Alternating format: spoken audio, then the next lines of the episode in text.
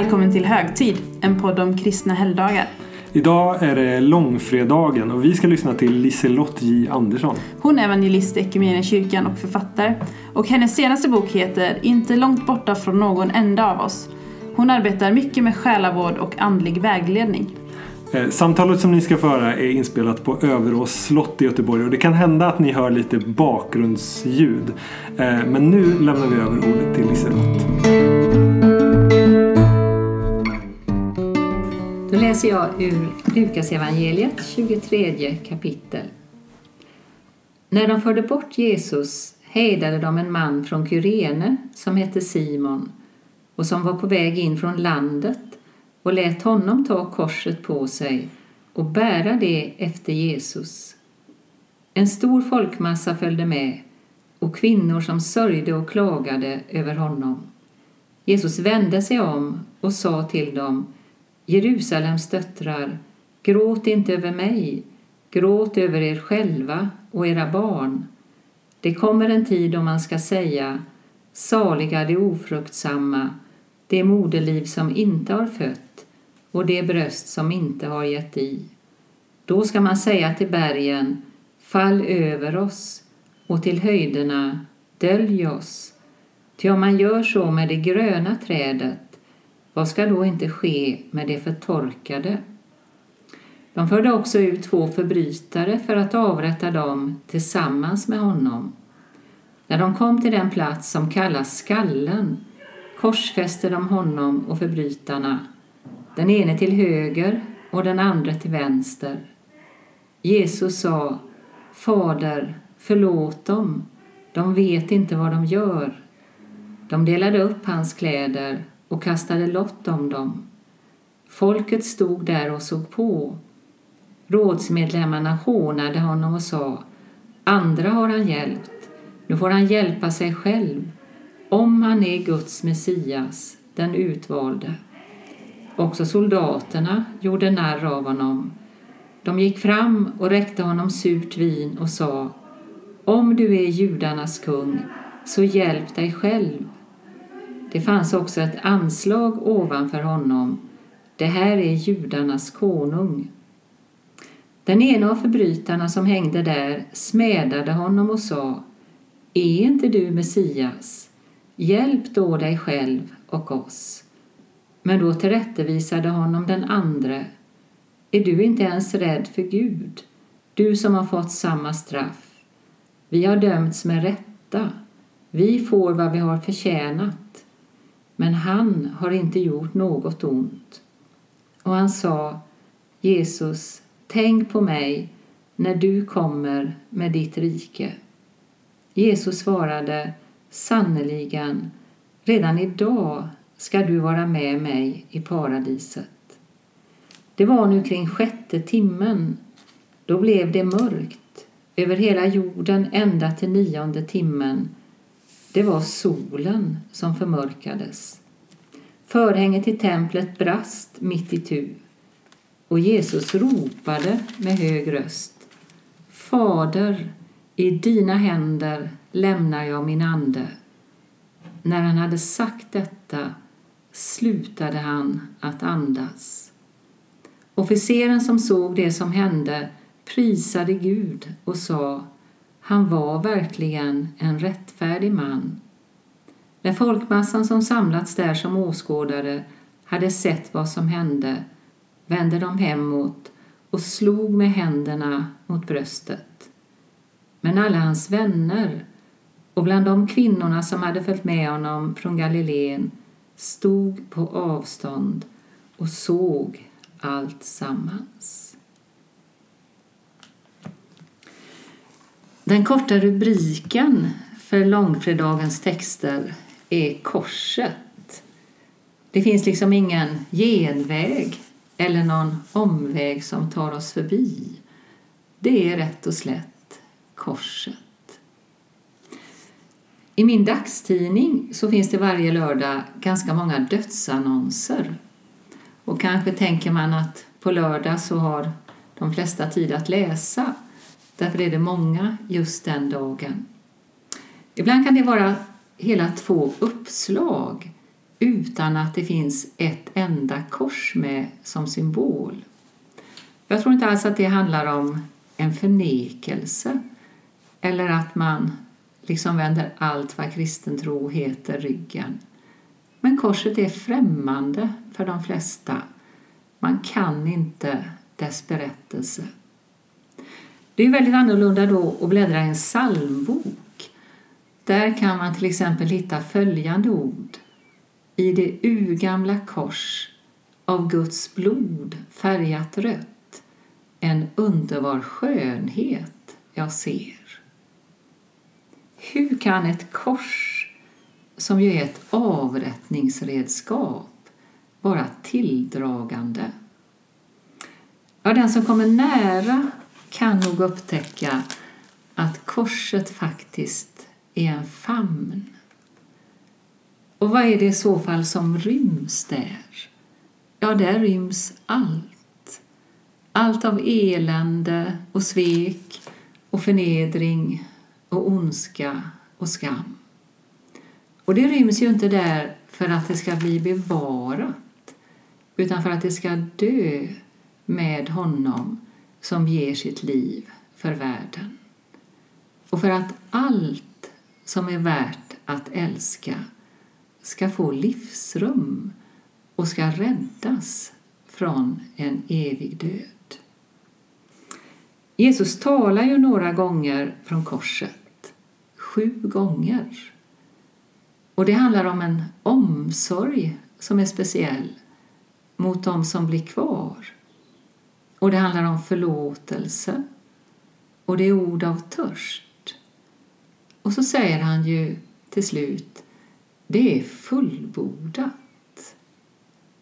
Och det är ju svårt att förstå och svårt att tro. För så mycket av det som förtjänade att dö tycks ju ha nio liv.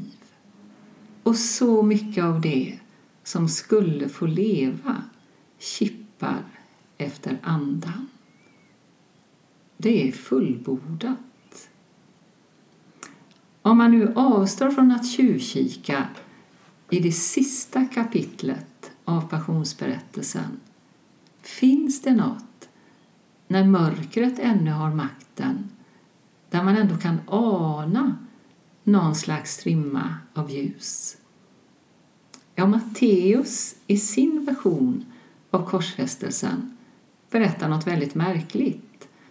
Han säger att heliga avlidna stiger upp ur sina gravar och går in i stan och kan ses av många. Som att det händer något med människors död i Jesu död. Som att själva döden tappar greppet. Och så är det det där förhänget som brister i templet uppifrån och ända ner. Det var ju ett tjockt draperi som skilde världen utanför från det allra heligaste. Och dit fick ju bara översteprästen gå och bara en gång varje år. Nu finns inga begränsningar. Det är fri insyn. Som att nu kan gudslängtan bli väckt hos alla och bli stillad hos alla. Det finns en del salmer som liksom antyder det där ljuset som är på väg långt innan det avgörande sker. Till exempel sjunger man i en psalm Skuggornas boning blir ljus och i en annan In i denna dunkla värld livets källa flyter. Korset är en märklig famn, men det är en verklig famn. Eh, jag har levt eh, både förra året och i år med en korsvägsandakt via Dolorosa skriven av Marie Tonkin Reda. Jag träffar Marie ibland i redaktionsrådet för tidskriften Pilgrim Det är en mycket liten och spröd kvinna med en skarp hjärna och en sylvass penna. Hon låter bland annat Simon från Kyrene säga några ord. Han som sådär råkade gå förbi och fick bära Jesu kors en bit. Och Simon säger så här. Jag blev till liv där korset hade rört mig. Och jag blir så berörd av de orden. De har liksom fastnat i mig. Jag blev till liv där korset hade rört mig. Så det har blivit min bön för mig själv, för nära, för så många just nu över hela världen i förlust, i sjukdom, i framtidsoro. Det har blivit min bön att många av dem, många av oss ska kunna säga jag blev till liv där korset hade rört mig. Hur ska man våga sig in i den där märkliga famnen som är korset? Hur ska man hitta dit? Ja, det tänker jag att man kan låna den där bönen från en av Jesu korskamrater. Och jag tänker att de fyra första orden räcker. Jesus, tänk på mig. Jesus, tänk på mig. Och vad blir svaret? Ja, jag tänker att det är högst personligt för var och en. Men jag tänker att det finns ett gemensamt svar. Det är Jesu egna ord och de är från Bibelns sista bok. Var inte rädd. Jag var död, men jag lever och jag har nycklarna till döden och dödsriket.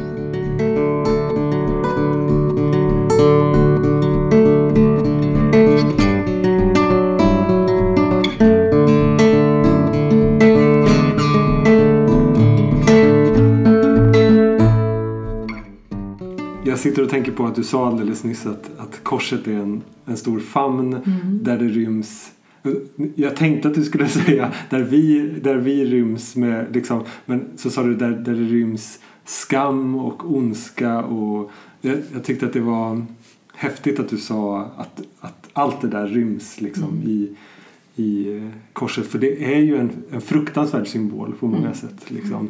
Ehm, och det är lätt att vi gör, den fi, gör korset finare än vad det är. Eller vi, vi vill gärna att våra kors ska vara i guld på något Mm. sätt. Liksom. Ehm, men eh, min, min fråga är egentligen liksom, hur, ska vi, hur ska vi våga lita på att allt, Mm. allt ryms i den där Mm. famnen? Hur ska vi våga lita på att, att Gud tar emot Mm. skammen och allt det där som vi helst gömmer undan på något sätt? Mm. Och jag tror kanske att man får pröva sig fram och öva sig fram, liksom bit för bit. Eh, och på något sätt tror jag att att eh, när, eh, när min egen förtvivlan eller trötthet är tillräckligt stor över det som jag verkligen skulle vilja lämna för att dö, både eget och andras, då blir det till slut så att man, man orkar inte hålla tillbaka. Utan eh, man släpper det. Och sen tror jag att man faktiskt kan få en hel del vägledning genom att till exempel bläddra i psalmboken. Och också en del ganska gamla psalmer som liksom ger uttryck för detta. Eh, Det som någon kallade för det saliga bytet. Jag ger allt det som jag skulle vilja bli av med och jag får ett nytt liv som gåva. Och en annan eh, god vägledning kan man faktiskt få i Saltaren i Bibeln som ju är Bibelns stora bönbok. Den är totalt osensurerad. Allt som kan rymmas i en människa, det får plats där i bönen. Eh, och ska jag spä på med någonting mer så älskar jag några ord av Wilfrid Stinnisen. Det är nästan det bästa någon har sagt om bön, tycker jag. Eh, Han säger så här, att be är att sluta vara någon annan än den man egentligen är. Att sluta leva vid sidan av sitt sanna väsen. Och så lägger han till som en konsekvens, det finns inget i en människas liv som inte kan bli till bön. Wow! Så hoppas Ja, jag wow, tror verkligen. att det Eh, Den här berättelsen som, som liksom hur, hur det beskrivs och, och Jesus väg till korset och sådär. Man förstår ju att han själv, Jesus, lider och det är mycket känslor. Men vart är lärjungarna någonstans? Mm. Va, de, de står ju inte nämnda här, liksom hans, närmsta, hans crew. Va, han, han, Jesus är ju verkligen utlämnad här. Va, vad tro- vart, vart är lär, lärjungarna? Ja, jag tycker att det finns en tröst när man följer Jesus in i Getsemane. Därför han tar ju med sig tre. Det var ju de som verkade stå lite särskilt nära. Petrus, Jakob och Johannes. Och de somnar Mm. när han som mest behöver dem. Men det står faktiskt att de somnade av bedrövelse. Och det tycker jag man kan ta till sig själv när man är kanske i en situation där man verkligen tänkte om alla andra sviker mig så ska han inte göra det. Hon ska stå kvar. Och så kan de inte göra det. Och det måste ju inte handla om likgiltighet och köld. Det kan vara på något sätt av bedrövelse, man orkar inte, man känner sig tafatt och så vidare. Mm. Och man kan ju tänka sig, precis som man kan vara i vissa situationer där det finns en atmosfär av värme, av frid, av kärlek så finns det ju andra där man kan känna en intensiv kyla, nästan känna ondska. Eh, Och faktiskt står i de här orden att mörkret, nu har mörkret makten. Och eh, det blev väl för mycket, de flydde. Men jag har också tänkt på ibland att eh, eh, Johannes, som antagligen var yngst av lärjungarna, det står att han vid den sista måltiden lutade sig in till Jesu bröst. Liksom en väldig gest av tillit, av att söka tröst. Eh, han verkar rätt svag. Eh, han måste komma så nära. Men han är den enda som sen står kvar faktiskt vid korset.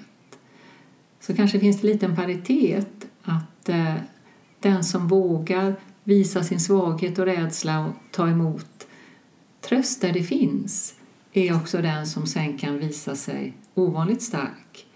Medan den som likt Petrus säger om alla andra sviker dig så lita på mig, det ska inte jag göra. Mm. Där kan det vara mer instabilt. Jag blir lite berörd också av att när, när det känns som att lärjungarna försvinner så de som omger Jesus i den här svåra stunden är de som egentligen inte borde vara där. Det är Simon från Kyrene som bara dyker upp eh, från ett helt annat land till och med och det är, det är kvinnorna som, som går nära honom och det är rövarna på Ja. korset och det är officeren, sy- symbolen för förtryckarmakten egentligen eller de som ehm, var, varför tror du att om han nu om han är Gud, varför tror du att han omger sig med just de här människorna i sin liksom, sista stund? Eh, På något sätt är det ju så igenkännbart. Jag har inte tänkt så på det, men det, det, det ska jag lägga till goda detaljer runt korset. Eh, För det är ju så Jesus på något sätt har varit under hela sin jordevandring. Eh, Att, eh, ja, han säger själv, eller det står om honom, han kom till det som var hans, de tog inte emot honom. Men andra som han inte hade väntat sig. Det... Mm. Mm. Det står ju också i, texten här att det blir ett, ett mörker över hela jorden. Eh, och sen efter den sjätte timmen så uttrycker ju Jesus sin frustration. Gud, har du övergett mig? Vart är du? Eh, väldigt mänskligt, tänker jag. Eh, och då, då blir det ljust igen. Kan, hur, hur kan vi tolka det? Kan vi tolka det som att, att Gud är ju hela tiden där men med, med det blir en sån symbolik att, att efterfrågar vi hans närvaro så är han, är han där och, och, och då är det ljust liksom. Eller hur, hur ser du på det? Jo, precis. Och också att, att ropet får komma. va? Att eh, jag, jag håller det inte inom mig utan nu, nu säger jag verkligen precis som det är. Och sen rör vi oss ju här också på mystikens område. Kanske är det så att i det ögonblicket så, så händer det där som är korsets djupaste mening. Att Jesus bär i sin egen kropp allt det som hotade att för alltid döda det goda i världen och att faktiskt Fadern har vänt bort sitt ansikte. Men jag tror att det vi kan ta till oss det är precis detta att, att låt ropet komma. Sen, det finns en, eh, en märklig dikt av Ylva Eggehorn som i sin helhet är rätt svår att förstå. Eh, det handlar om egentligen att man hittade någon man begravd någonstans i ismassorna i Alperna som eh, var mycket äldre än den hittills äldste man hade funnit, eller hur det nu var. Och så håller han sin hand liksom över ögonen så här och det berör Ylva på något sätt. Det är så, en sån mänsklig gest. Så hon skriver en dikt. Eh, och jag förstår inte hela dikten men hon skriver några ord så här. Eh, det finns en plats där övergivenheten och tilliten firar bröllop. Mm. Och jag frågade Ylva en gång om de orden Eh, och då sa hon Jo, men det är ju så. Och det är ju på korset. Alltså det är det här ropet av total övergivenhet. Och sen till slut, Fader, i dina händer lämnar jag min ande. Och det brukar jag tänka när jag möter en mycket övergiven människa och kanske väldigt länge i samtal och så försöker skapa någon slags tillit och känner att jag räcker inte till så brukar jag försöka vila i detta att någonstans har det redan skett för alla att övergivenheten och tilliten har mötts och tilliten vann. Och kanske därför kan tilliten till slut vinna över övergivenheten. För alla. Du nämnde den här eh, lite märkliga delen i Matteus eh, mm. texten, mm. Matteus evangeliets version av den här texten när um, förhänget brister och, och de döda um, ja, flera, mm. många, det står att många heliga avlidna mm. uppstår igen och går in i staden. Och det, är en lite, det är en lite märklig text, då, eller lätt att studsa på den för den, den låter lite nästan eh, skräckfilmsaktig. Sådär. Och, ja. och, och det, det, uppstår en rädsla liksom hos mm. människor så, och, och rädslan gör att de utropar att han måste ha varit Guds mm. son på något sätt hur ska vi förstå det? Att Gud verkar maxa rädslan på något sätt mm. eh, i den stunden eh, istället för att komma med frid. Mm. Men kanske också för att eh, ja, dels tänker jag att det handlar om, om det oerhörda allvaret i det som sker va? och att det är verkligheter det handlar om men också som ett första tecken på, på hopp. Eh, därför att det, det dröjer ju ett par dagar nu innan man hittar graven tom. Mm. Eh, och kanske att, att, säga att det verkligen är något verkligt som händer. Det är en slags försmak. Det står ju att Jesus går ner i dödsriket och eh, predikar. Mm. Där har vi inte varit någon av oss evangelister. Kanske bildligt talat. Hur tycker du eh, hur tycker du att vi liksom ska förhålla oss till långfredagen? Nu, vi sitter ju här med facit. Vi mm. vet ju vad som, som eh, kommer liksom. Mm. Och över tid så har vi ju, har vi ju eh, firat långfredag på helt olika sätt i olika generationer och sådär.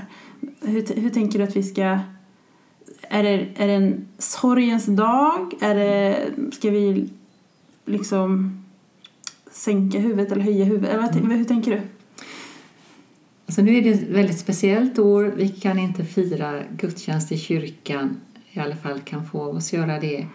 Eh, annars tycker jag väldigt mycket om, jag tycker verkligen att man ska visa det där genom att klä av altaret på skärtorsdagens kväll och ta bort blommorna, ljusen. Gärna lägga på en svart duk. Mm. För jag, jag, tror att vi behöver den hjälpen för att förstå Eh, för att dels bli påminda om vad vill jag lägga i Jesu grav? Eh, vad vill jag egentligen ska dö för att annat ska leva? Eh, och för att verkligen uppleva festen på långfredagen. Eh, så det, det, det står om några kvinnor att de, de var stilla, i och för sig på lördagen, dagen efter, på sabbaten. De var stilla efter, efter lagens bud. Så kan man, liksom, beroende på de omständigheter man är i med men jag tycker inte man ska tvinga barnen att ha svarta kläder och så. Nej, precis. man, kan, man kan med de medel man kan mm. liksom. Eh, för jag tror att vi också mår väl av att få, få leva in i, i dramat. Mm. Och sen inte glömma att eh, engelskans ord eh, är ett eh, bättre ord kanske. Inte the long friday men good friday. Good friday. Mm. Vad tänker du att det gör med oss när vi får leva in oss i berättelsen? Du sa det vi får lägga i Jesu grav på något sätt med honom. Och hur, hur gör vi det överhuvudtaget? Det är väl en första fråga. Men sen, eh, vad, vad gör det med oss också?